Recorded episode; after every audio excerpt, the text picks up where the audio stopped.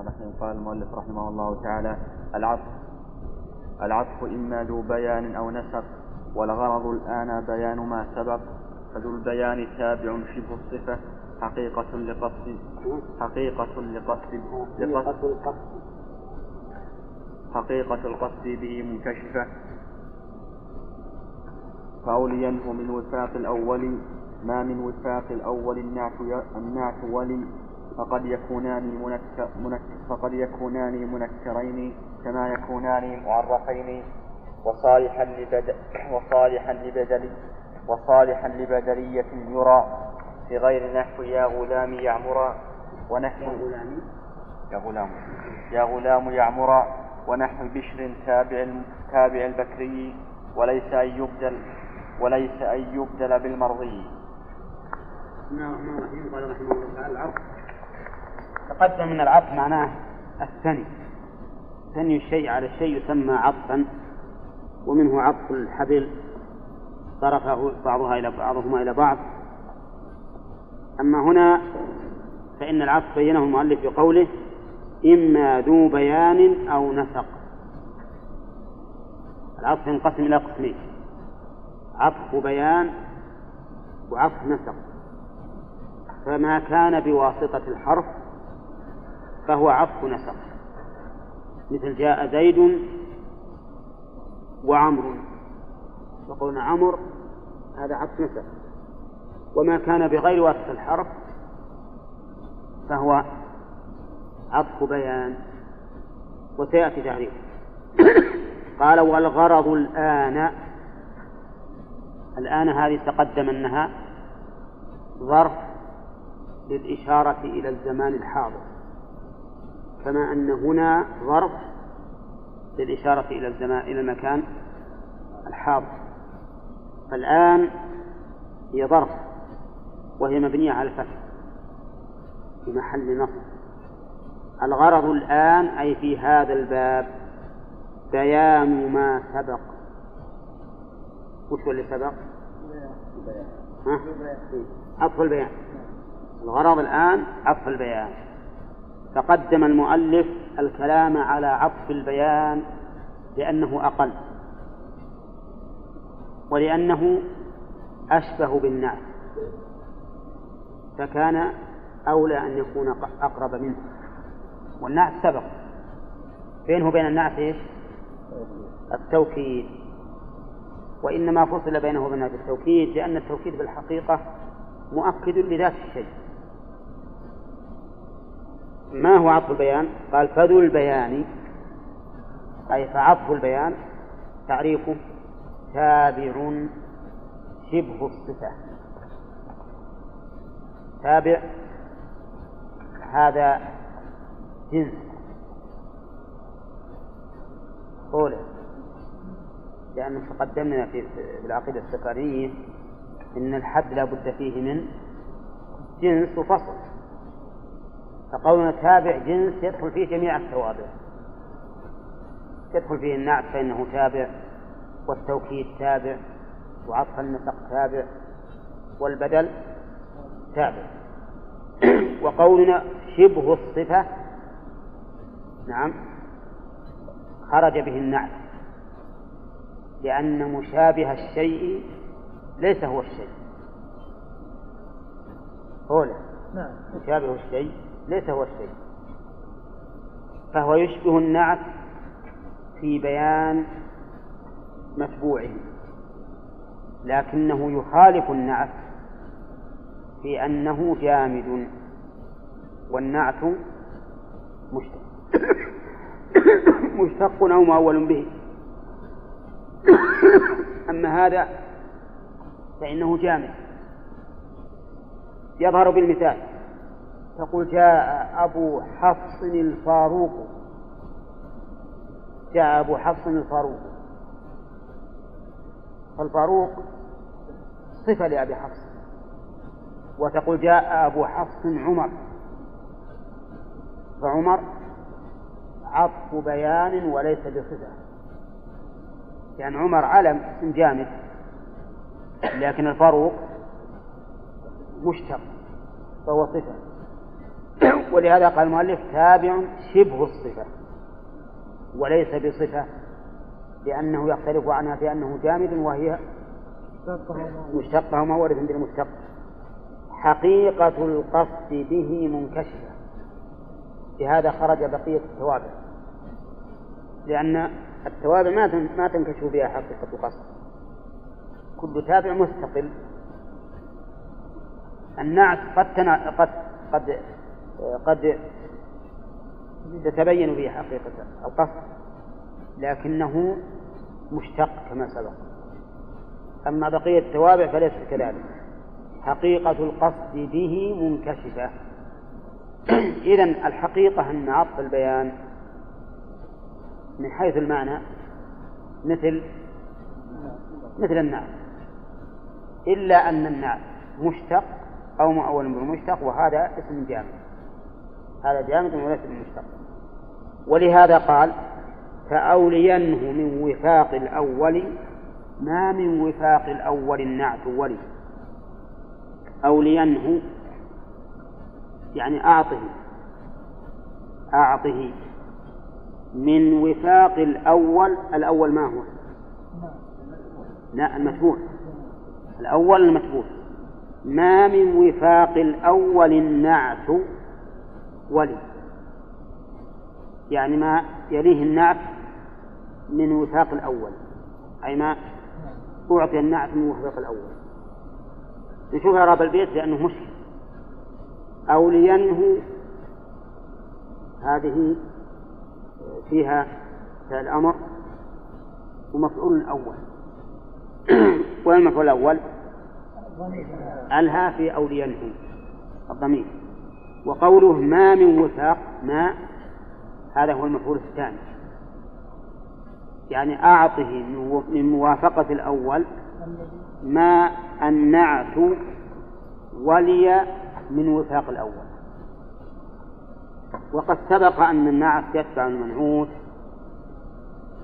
في أربعة من عشرة في واحد من من أوجه الإعراب. وفي واحد من التعريف أو التنكيل وفي واحد من الإفراد وفرعين وفي واحد من التذكير والتعنيف يتبعها في أربعة من عشرة. هذا أيضا يتبع واحد من أربعة من عشرة. مثلا إذا كان المتبوع مرفوعا صار عطف البيان؟ مرفوعا. إذا كان المتبوع منصوبا صار عطف البيان منصوبا. إذا كان مفردا صار عطف البيان مفردا. إذا كان مؤنثا صار عطف البيان مؤنثا. والعكس بالعكس. طيب. فهمنا من كلام المؤلف من هذه القاعدة أنه يعطى أحكام النعت التبعية. فهمنا منه أنه يجوز أن يكون عطف البيان بين نكرتين. كذا؟ بين نكرتين. و وإلى هذا أشار بقوله فقد يكونان منكرين. كما يكونان معرفين. قاس المختلف فيه على المشتبه على المتفق عليه. النحويون بصريهم وكوفيهم اتفقوا على أن عطف البيان يكون بين معرفتين. يكون بين معرفتين. لأنه يفيد التخصيص. فتقول مثلا جاء أبو بكر عبد الله بن أبي قحافة. عبد هذا وش لا يا أخوان. نعم معرفة الصيام الصيام والآن بين معرفتين ولا بين نكرتين؟ جاء أبو بكر عبد الله. بين معرفتين. أبو بكر هو المتبوع معرفة وعبد الله هو التابع معرفة. هذا شيء متفق عليه. نعم. يعني معناه أنه هما معرفتين التابع والمتبوع معرفتين نعم. طيب هل يكون بين نكرتين الجواب نعم. هذا ما ذهب إليه ابن مالك مع أن ما ابن مالك يعد من البصريين لكنه بصري مجتهد يميل إلى ما يراه هو الصواب. ولهذا مذهب الكوفيين ومنهم ابن جروم أنه يقع عطف البيان بين النكرتين نعم. فوافقهم على هذا. واستشهدوا لذلك من القرآن. قالوا إن الله سبحانه وتعالى يقول ويسقى من ماء صديد. من ماء. هذه ماء نكرة وش نوع هذا الماء؟ صديد صديد صديد هذا اسم جامد. اسم جامد. ومع ذلك صار عطف بيان. صار عطف بيان. نعم. تابع جامد فصار عطف بيان. البصريون ماذا يجبون عن الآية؟ يقول هذا بدل. نجعله بدلا. والبدل سيأتينا إن ضابط البدل هو الذي لو حذف المبدل منه قام مقامه. قالوا لو لو قال سبحانه وتعالى ويسقى من صديد استقام الكلام فهو إذن بدل وليس عطف أما هؤلاء فيقولون نعم نحن نقول إنه نحن نقول إنه يجوز بدل. يجوز أن يكون بدل لكن يجوز أيضا أن يكون عطف بيان وما مانع أن الله بين نوع هذا الماء أنه صديق نعم. وكذلك أيضا يوقد من شجرة مباركة زيتونة. زيتونة. شجرة مباركة زيتونة. مباركة وش هي؟ صفة نعم. صفة نعم. زيتونة. عطف بيان. عطف بيان. لأن زيتونة من مشتق فهي عطف بيان. وأولئك يقولون إنها بدل. لأنه لو قال يوقد من زيتونة مباركة صح. لكن نقول هي أيضا مسلمانة أن تكون عطف بيان. يقولون إن المانع إن المراد بعطف البيان أنه يبين متبوعه ويخصصه ويميزه من غيره. والنكرة لا تبين النكرة. والرد عليهم بسيط جدا. وهو أن النكرة الموصوفة أو المبينة. تخصصها بدل ما أن نقول من ماء ونطلق وصالح لكل ماء ميز هذا الماء بقوله قدير. من شجرة مباركة بدل ما أنه عام لكل شجرة مباركة خصصها بقوله زيتونة. فالتخصيص حتى في النكرات موجود. فإذا دليلهم ليس بصحيح ولهذا مشى ابن مالك على هذا القول. إنه يجوز أن يكون عطف البيان ومتبوعه نكرتين. نفرق بين عطف البيان مثال بين عطف البيان على حسب الحد اللي حددناه لعطف البيان. نعم. بين عطف البيان وبين البدل. البدل؟ هنا في ماء قليل. ويجوز الامران نعم.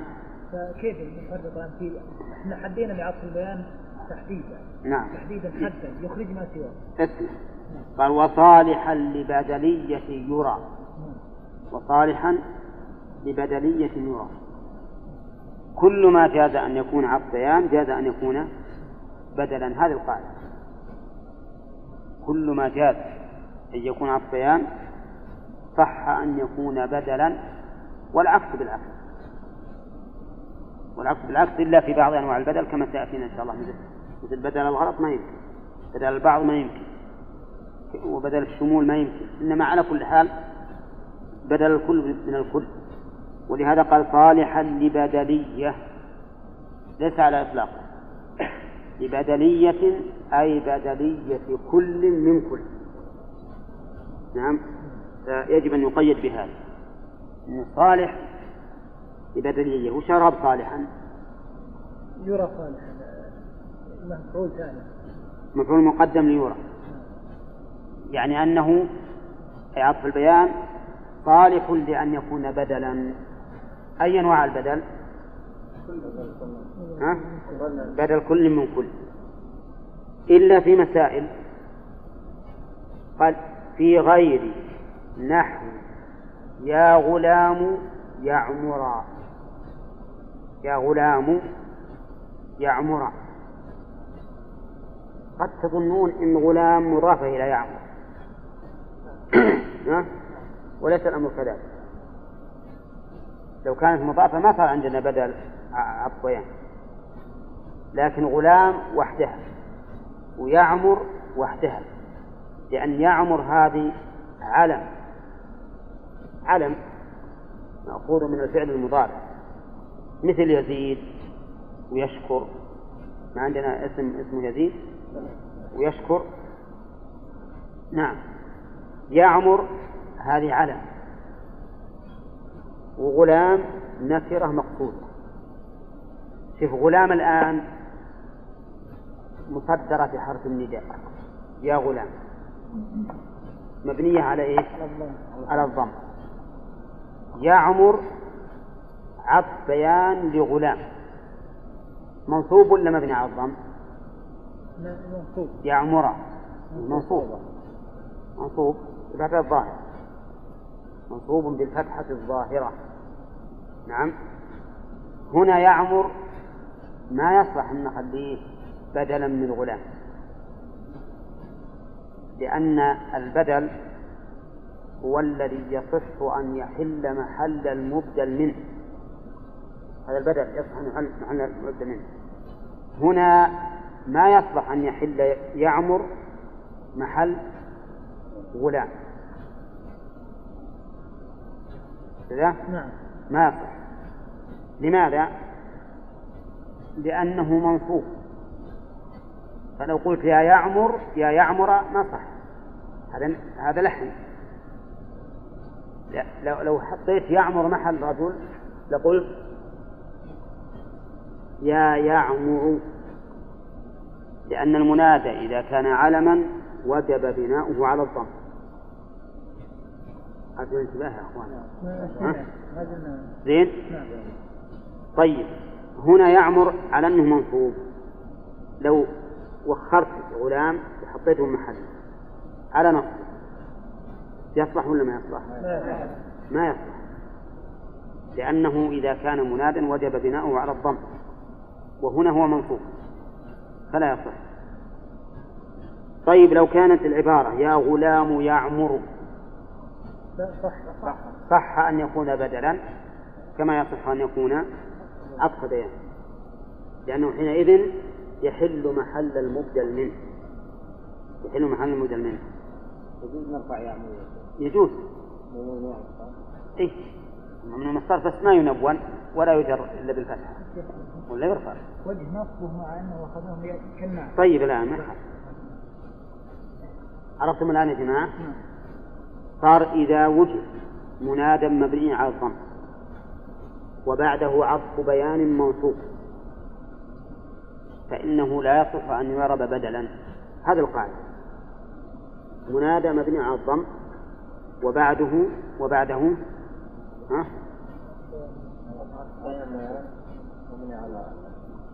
وبعده؟ علم. علم لا أو أو عطف بيان منصوب. عام عطف بيان منصوب فإنه لا يصح أن يكون بدلا. العلة لأنه لو حل محله ما نصب والبدل على اعتبار أنه يحل؟ محل المبدل منه. فإذا قلنا يا غلام يعمر قلنا يعمر لا بد أن تكون بيان ولا يصح أن تكون بدلا. ولو قلنا يا غلام يعمر؟ صح أن تكون بدلا كما هي أيضا بيان طيب إذا قيل ما وجه نصبها إذا كانت بيان نقول لأنها كالصفة في الإعراب. وصفة المنادى يجوز أن تنعت على محله لا على لفظه. ومحل المنادى إيش؟ النص. فنقول يعمر بدل من غلام. تابع للفظه أو لمحله؟ تابع لمحله. تابع لمحله. هذا السبب أنه يجوز فيها النص.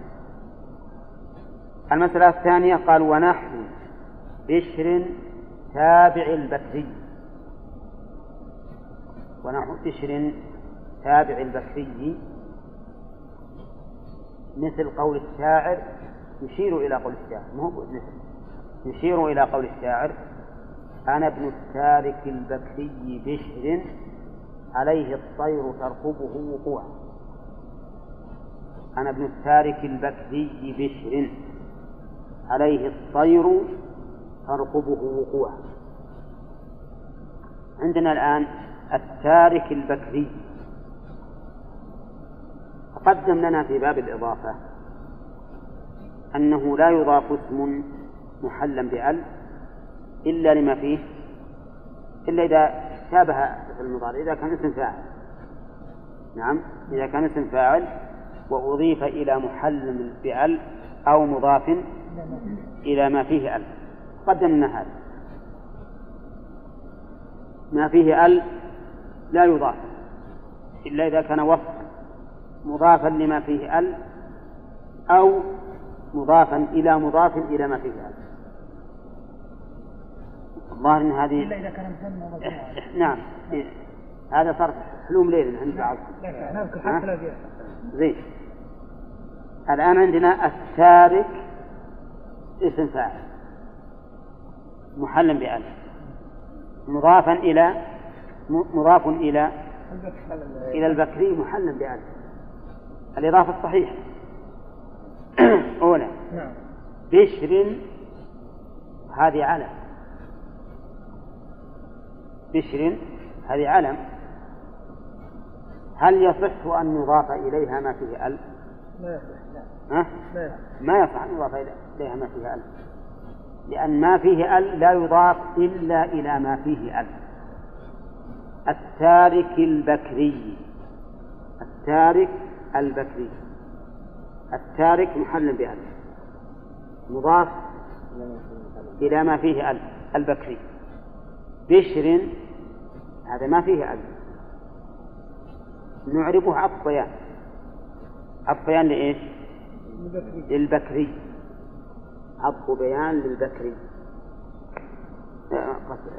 أنا أنا بالتارك للبكري بشر فبشر عطف بيان للبكري مكتوبة كسر الظاهر؟ لا يصح أن نجعله بدلا. ما يصح أن نجعله بدلا؟ لأننا لو أحللناه محل البكري لم يصح. لو أردت أن تقول أنا أنا أنا ابن التارك بشر. أنا ابن التارك بشر. لا. ما يجوز. لأنه لا يضاف إلا إلى ما فيه ألف. فهنا لا يصح أن يكون بدلا لأنه لو أزيل المتبوع وأجعل التابع مكانه ما صح. واضح؟ طيب فإذا نقول هو عطف بيان وليس ببدل. ثم أشار المؤلف إلى رد قول بعض النحويين الذين يجوزون أن يضاف اسم الفاعل المحل بأل إلى العلم وإن لم يكن فيه أل فقال وليس أن يبدل بالمرضي. يعني ليس أن يجوز كونه بدلا ليس بالمرضي. والعبارة ما تعطي هكذا لكن لأن ظاهر العبارة وليس أن يبدل بالمرضي يعني وليس أن يبدل بالقول المرضي. ولكن العبارة ليس هذا معناها. المعنى وليس أن يجعل بدلا ها بالقول المرضي. يعني المقبول.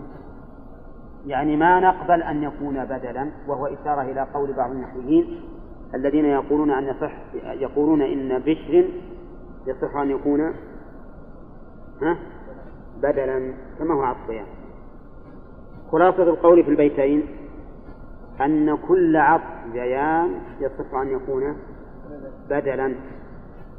إلا إذا كان هذا الذي عطف بيان لا يصح أن يحل محل التابع لأي سبب من الأسباب سواء هذا اللي ذكر المؤلف أو أو لغيره. المهم إذا كان لا يحل لا يصح أن يحل محله ها؟ فهو عطف بيان وليس ببدل. هذا الظاهر. التعريف ما يكون فيه أيها تعريف عطف البيان يكون عليه لا ما في لا ما في شيء أجاز أن يكون بدل عطف يعني. إلا في المسائل الاستثناء. أي لا ما ما يصح.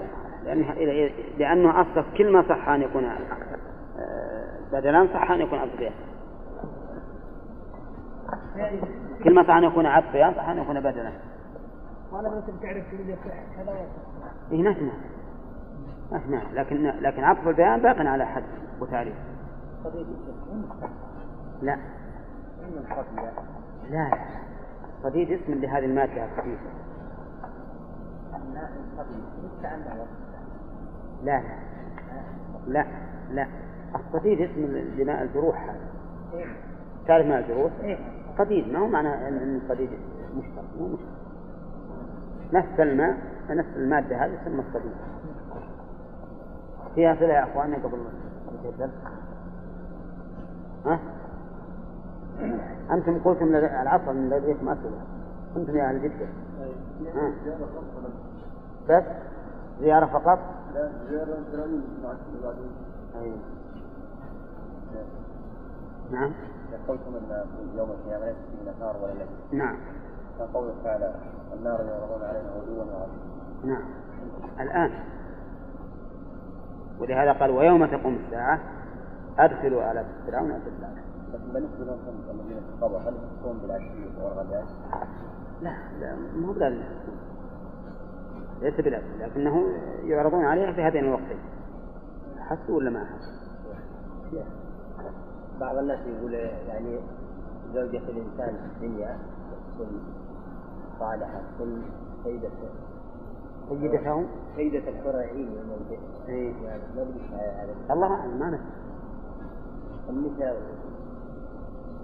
تبين تكون زوجته تكون زوجته لكن عاد إنها تكون سيدة زوجاته في العيد. ولكن تكون زوجته اي هي إذا كان صالحة كان زوجته وإذا كان لها عدة أزواج تخير. بجواز إضافة الوصف المحل بأل إلى العلم.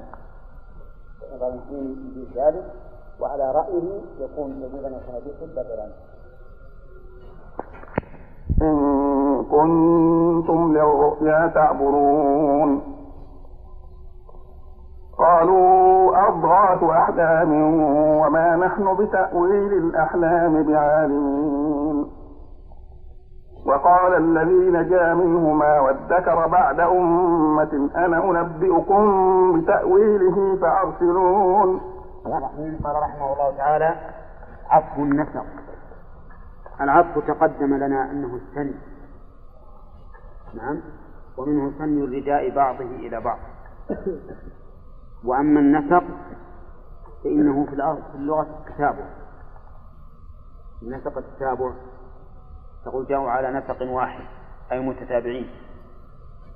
وأما عطف النسق في الصلاح فقال فيه المؤلف تال بحرف متبع عطف النسق هذا هذا تفسير. هو التالي يعني التابع. بواسطة حرف متبع. يعني هو التابع بواسطة الحرف. هذا عطف النسق ما تبع غيره بواسطة الحرف فهذا هو عطف النسق. ولكن المؤلف اشترط. قال بحرف متبع. احترازا من الحروف غير المتبعة لأنه قد يتلو مثلا ما يتلو فاء السببية. ما يتلو فاء السببية.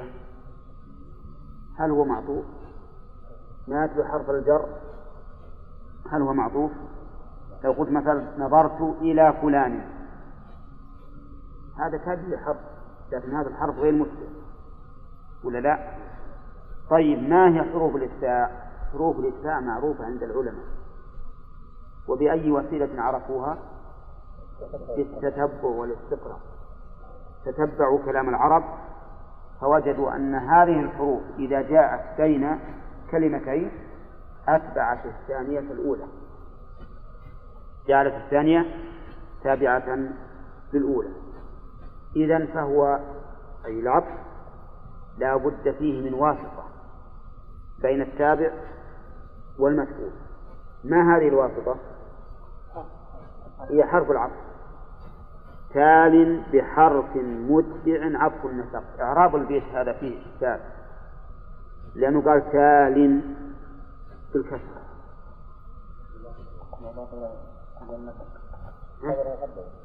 تال تال بالكسر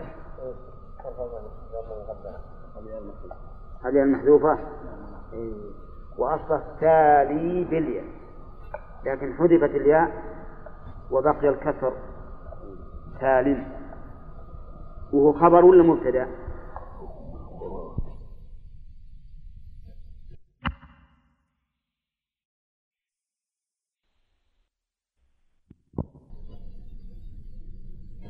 بود وثناء من صدق. والله هذه حكمة. مثال والغالب أن أمثلة ابن مالك كلها حكمة رحمه الله. اختص بوجه. الود معناه خالص المحبة. وهم مطلق المحبة خالصها. اختص بوجه وثناء. الثناء المدح. المدح بالصفات الحميدة. ويطلق على المدح مطلقا حتى آه و... و... نعم حتى الخصال الجميل. أثنوا عليه شرا الحديث وأثنوا عليه خيرا. لكن المراد هنا الخير ولا الشر؟ الخير. أخصص بود يعني لا تحب إلا عن ولا تثني إلا على من ذكر. من هو؟ من صدق. صدق في قوله وفعله وقصده. لأن الصدق يكون بالقول والفعل والقصد. فالصدق في القصد هو الإخلاص وفي القول هو الإخبار بما يطابق الواقع. وفي الفعل أن يكون موافقا لما في قلبه. وهذا هو الصادق الفعل. ومنه في الشرع اتباع النبي عليه الصلاة والسلام. إذا من صدق ما من يريد به بالمال هل يريد من صدق بقوله؟ ها؟ أو بالكل؟ الكل. رجل مثلا يظهر أنه صديق له لكن إذا غبت عقر تصفه بالود والسلام ها؟ لا. السبب. ها؟ لأنه ما صدق. كذا. لكن رجل يخبرك بما في قلبه غائبا وحاضرا. معناه أنه صادق. هذا هو الذي استمسك به وأثنى عليه. أخصص بود وثناء من صدق. طيب. قال فالعطف مطلقا. يقول أهل العلم إذا رأيت في كلام الناس كلام العلماء مطلقا فانظر للي قبله ولا اللي بعده. لأنه مطلق من قيد سابق أو لاحق مطلق من قيد سابق أو لاحق هنا مطلق من قيد لاحق لأن قوله وأتبعت لفظا فحسب. يبين لنا وش معنى الإطلاق.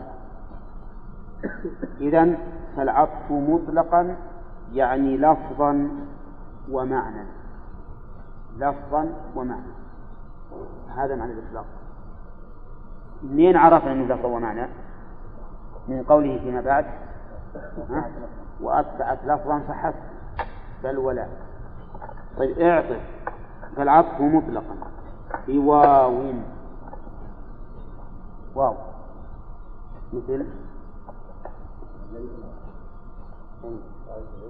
نعم. جاء زيد وعمر. رأيت زيد وعمرا. مررت بزيد وعمر.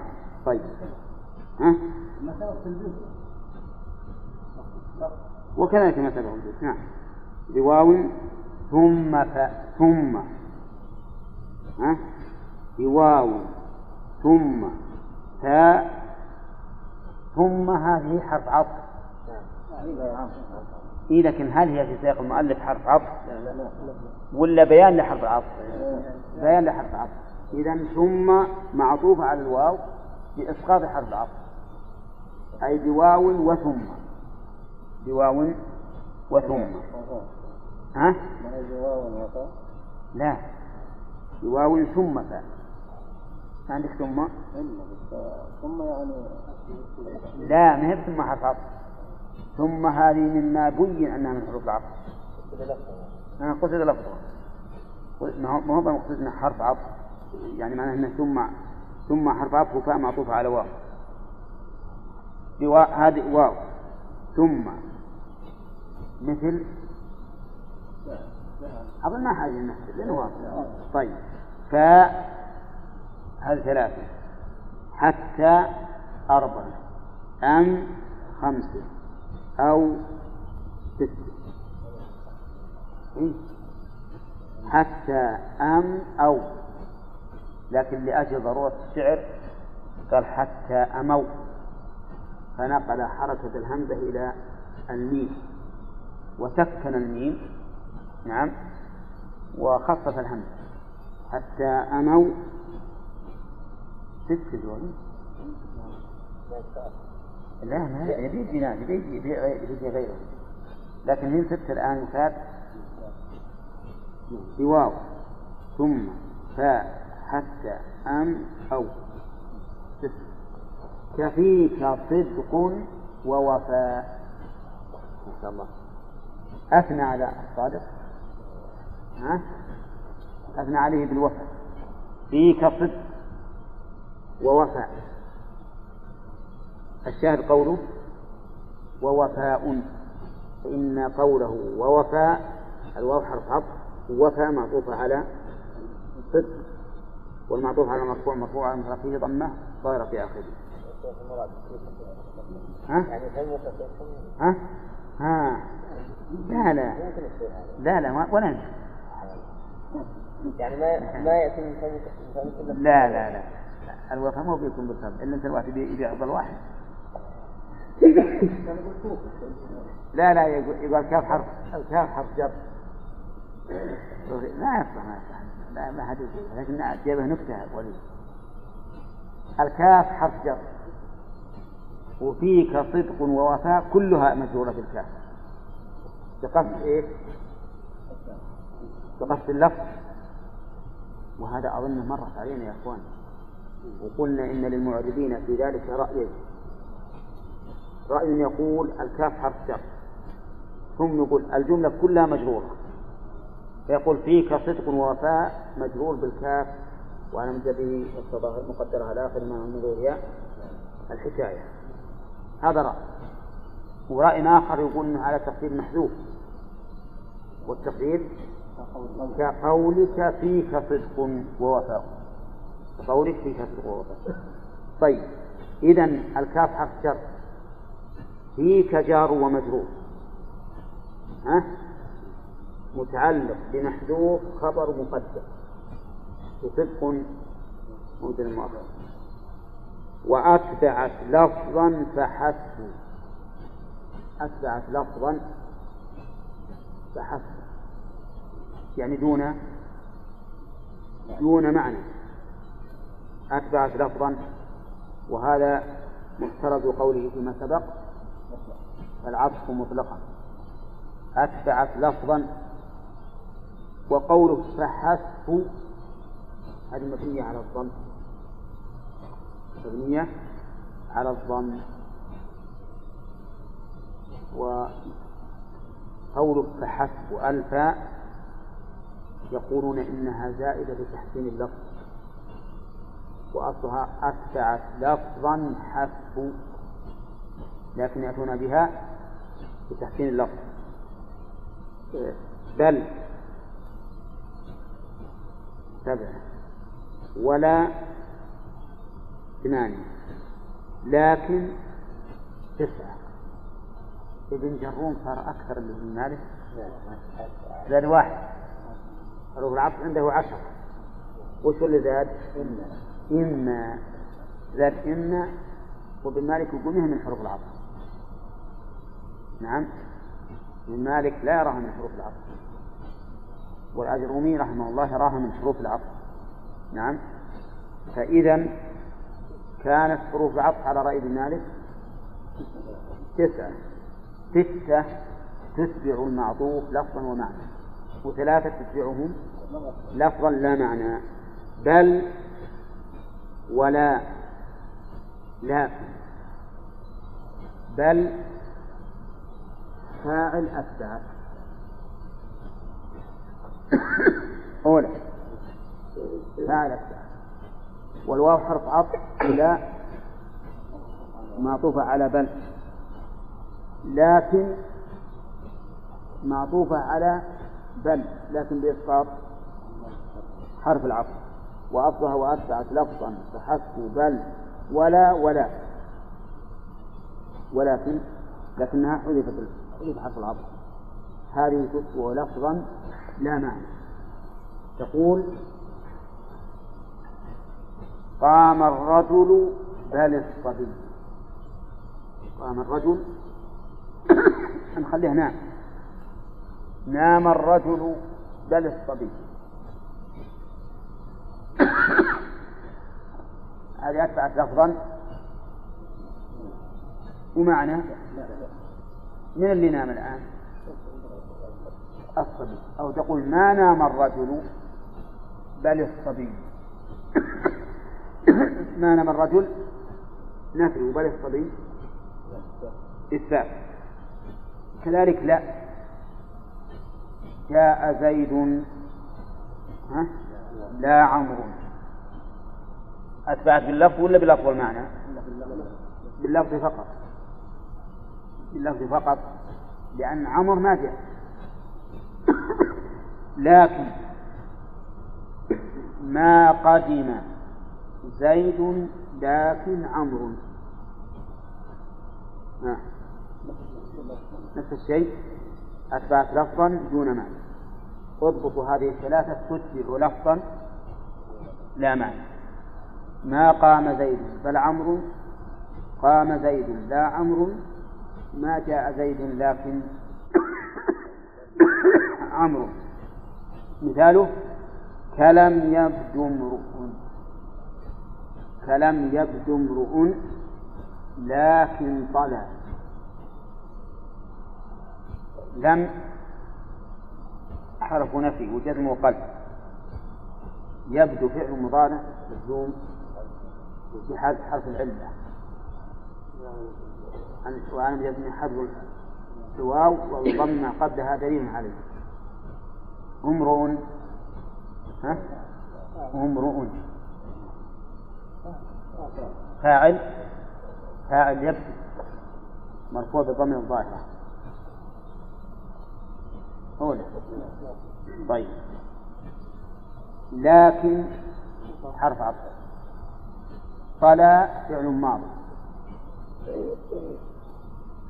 طلع فعل ماضي. مبني على الفتح المقدر على آخره. لا محل من الإعراب وهذا عطف جملة على على على مفرد. كذا؟ على جملة نعم. ولكنكم أخطأتم جميعا. فلا هذه اسم. فلا اسم وليس فعل. والطلا يقولون إنه الظبي فمعنى لكن طلا يعني لكن بدا طلا نعم. فعلى هذا نقول لكن حرف عطف وطلا معطوفة على مرفوع والمعطوف على المرفوع مرفوع. وعلى رفع ضمه مقدرة على الألف بمعنى من ظهورها التعذر إلا أن يكون مهموزا. ما عندكم بس شرح يقول؟ معطوف على بفتح الطاء مكسورة من وفتى ابن الضبية أول نعم. ابن الضبية أول ما ابن الضبية مم. أول ما يولد. وقيل الطلع هو ولد البقرة الوحشي إذا طلع ها، نعم وقيل ولد ولد ذات ولد ذات الظل مطلقا ويجمع على مثل طيب المهم صار الطلع معتلة بالألف معتلة بالألف. فن- فنقول فيها طلع معطوفة على امرؤ والمطلوب مرفوع على غير ضمه مقدرة على الألف من منظورها. تعذر. زين المرء قد بدا ولا لا؟ لا. والطلع بدا لم- يبدو امرؤ لكن طلع قال فاعطف بواو سابقا أو لاحقا في الحكم أو مصاحبا موافقا. الواو دي تسمى أم الباب لأنه يعطف كل شيء. يعطف بواو سابقا أو لاحقا في الحكم. السابق المتقدم. واللاحق. المتأخر. والمصاحب. الموافق؟ الموافق. هذه معه تقول مثلا ولد محمد وابنه.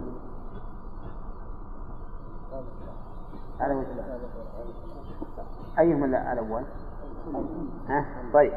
ابنه لاحق. ابنه لاحق. ولا لا؟ ابنه لاحق. زين. وتقول مر علي رمضان وشعبان. مر علي رمضان وشعبان. وأنا هنا. لا لا عطف مر علي رمضان وشعبان. عطفنا سابقا على لاحق عطفنا سابقا. كل واحد. شعبان قبل رمضان على كل حال. أنا الآن إحنا في رقيق ثاني ولا لا؟ فقلت إني بقيت في البلد الفلاني رمضان وشعبان. صح ولا لا؟ ويوم اللاحق رمضان. إذا عطفنا سابقا على لاحق يعني ما تستطيع انك ما تستطيع إنك تخلطني ما تقدر تقول هذا غلط. شعبان هو الأول. لكن لو أقول لك جلست في البلد الفلاني رمضان ثم شعبان. غلط ولا لا؟ كلني غلط. ليش؟ شعبان هو الأول. ولهذا احتاجوا إلى أن يجيبوا على قول الشاعر إن من ساد ثم ساد أبوه. ثم ساد من بعد ذلك جده. وش معنى؟ نعم. هذا عكس. ما في. لكن بعض الناس عفاريت. قال ما في عكس. سيادة الإنسان مباشرة. واللي يليها؟ ها؟ سيادة أبيه. واللي يليها؟ سيادة جده. فالإنسان ينتفع بسيادته هو أولا. ثم إذا صار ما هو سيد أبوه سيادة أبيه تنفعه ولا لا؟ ولهذا تجد الصبي ابن الوزير مثلا. هذا ما له ما له دين. لكن إذا صار أبوه ما سليم وش ثواب؟ يقولون تعال تعال اركب اركب عندنا؟ نعم. لأنه ساد أبوه ولا لا؟ إذا ما ساد الأب ساد الجد. فقال أنا ما أردت أن أرتبهم في الوجود. صحيح ترتيبهم في الوجود الجد هو الأول ثم الأب ثم الولد. لكن أنا أريد أن أن أرتبهم بما ينتفع به. هذا السيد. ينتفع الإنسان أولا بسيادته بنفسه ثم بأبيه ثم بجده. لكن يتوجه عليه التغليط ولا ما يتوجه؟ يتوجه. أما إذا قلت بقيت في, هذا المكان رمضان وشعبان ما حد يقدر يقول الشيء اعطف سابقا أو لاحقا أو مصاحبا موافقا. وشو مصاحبا موافقا؟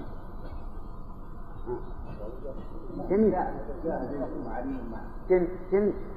وجاء زيد وعلي معا. جميعا ولا لا؟ دخل علي زيد وعلي. ها. موافق؟ نشوف كان الباب ضيق. نعم.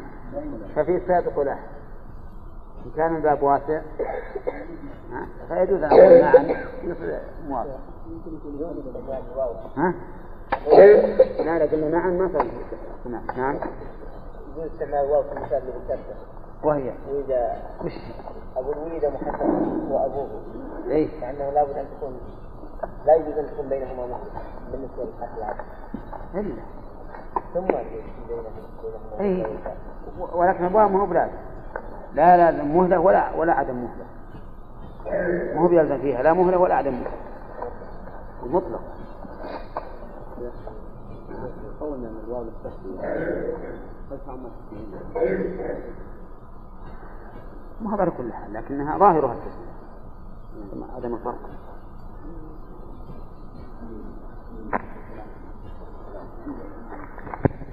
ونبدأ الدرس اليوم. واخصص بها. اخصص بها أي بالواو عطف الذي لا يغني متبوعه فاصطف هذا وابني. نعم. اخصص بالواو. عطف الذي لا يغني متبوع وهو كل ما دل على اشتراك. كل ما دل على اشتراك فإن متبوعه لا يغني عنه. هذا ما يكون فيه إلا الواو فقط. تقول تخاصم زيد. ثم عمرو. ما يصير. تخاصم زيد فعمرو. ما يصير. كل الحروف ما تصلح إلا الواو. تخاصم زيد وعمرو. صح؟ طيب مثال آخر صف هذا صف هذا وابنه هذا جابه بن مالك. صف هذا وابني لو قلت صف هذا ثم ابني ما يصلح صف هذا فابني ما يصلح لابد الصف هذا وابني وغير تقاتل زيد وعمرو. ما يصح إلا الواو بس وتحالف زيد. المهم كل ما دل على المشاركة فلا بد ما يصح فيه العطف إلا بالواو واضح؟ ولهذا قال لا يغني مدفوع يعني لا بد فيه من مشارك لا بد فيه من مشارك فهذا لا بد أن يكون العاطف حرف الواو. كالصف هذا وابنه. نعم. في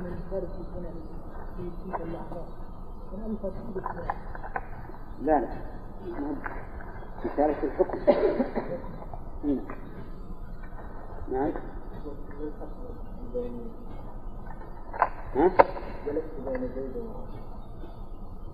وكذلك بين زيد وعمر تدل على الاشتراك قال المؤلف واخصص بفاء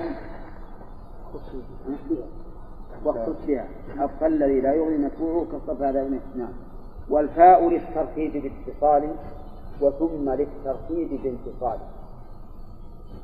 أفاد المؤلف رحمه الله أن معنى الفاء وثم معناهما الترتيب الفاء للترتيب وثم للترتيب فكلاهما للترتيب لكنهما تختلفان. الفاء للترتيب باتصال وثم للترتيب بانفصال ولهذا نقول ثم للتراخي ثم للتراخي. فإذا قلت جاء زيد فعمر فالمدة بينهما قليلة وإذا قلت جاء زيد ثم عمر فالمدة بينهما كثيرة لأنها للتراخي واعلم أن الفاء أيضا إذا عطفت جملة على جملة أو مشتق فإنها تدل مع ذلك على السببية. يدل مع ذلك على السببية. ومنه قوله تعالى فوكزه موسى فقضى عليه. فوكزه فقضى عليه. أي بسبب؟ بسبب وكزه فإذا كان العطف عطف جملة على جملة أو أنه مشتق فإنه فإنها تفيد مع ذلك إيش؟ السببية وهي عاطفة في نفس الوقت.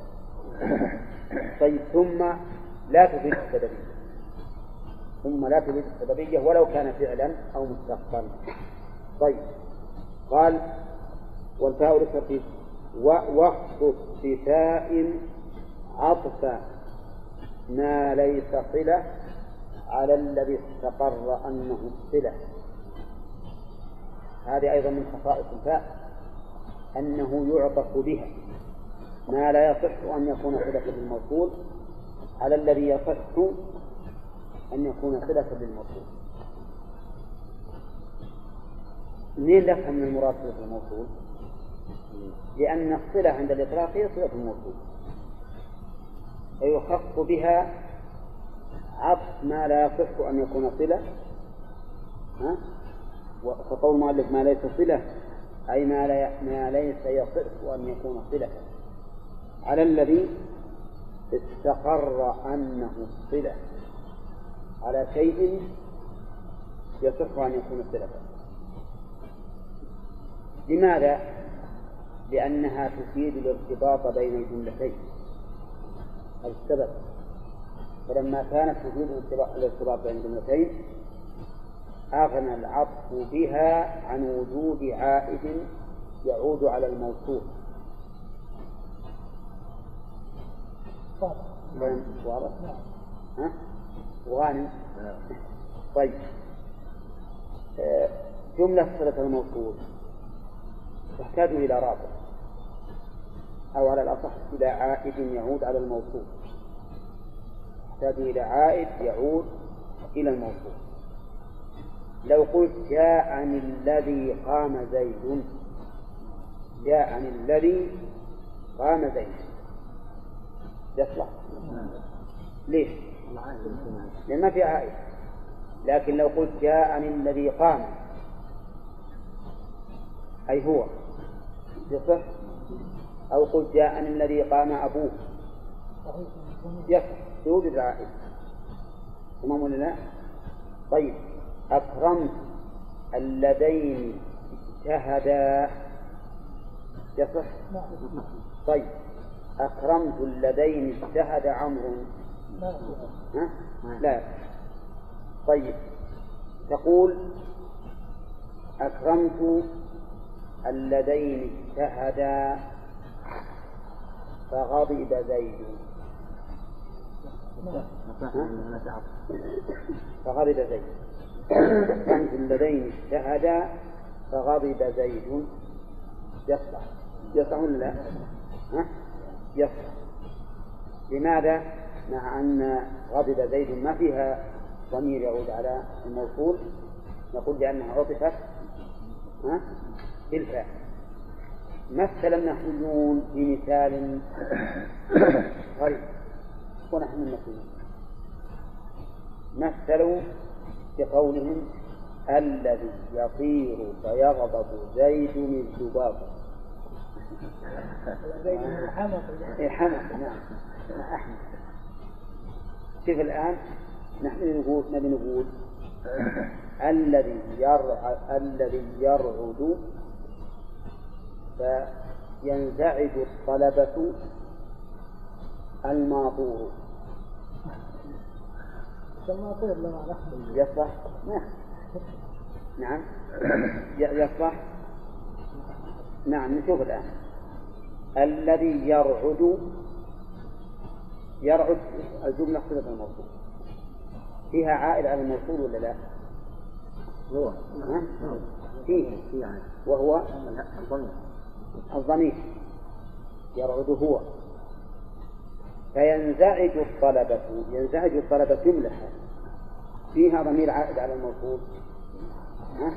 ما فيها. ما فيها ضمير عائد على الموصول.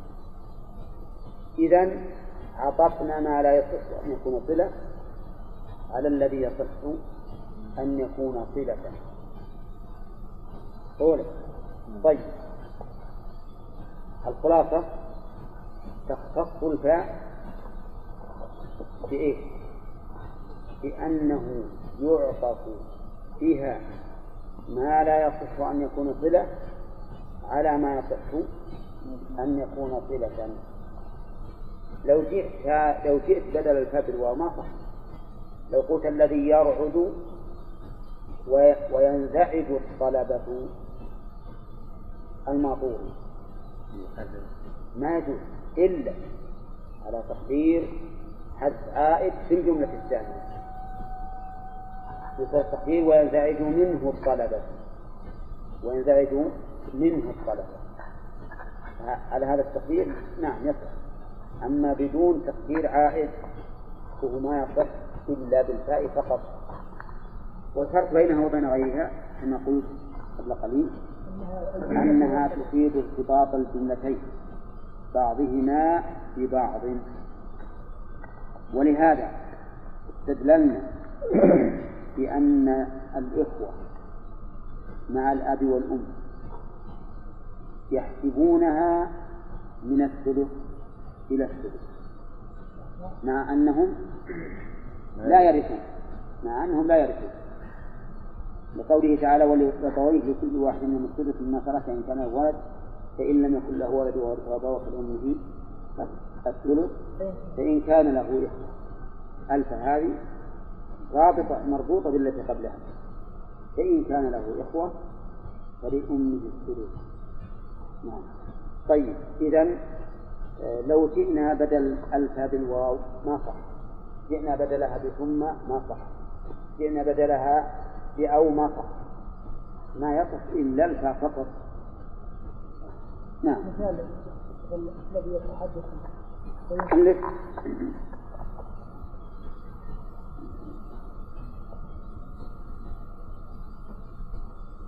بعضا. بعضا بحث تعطف على كل ولا بعضا بحث تعطف على كل ولا يكون إلا غاية الذي تلها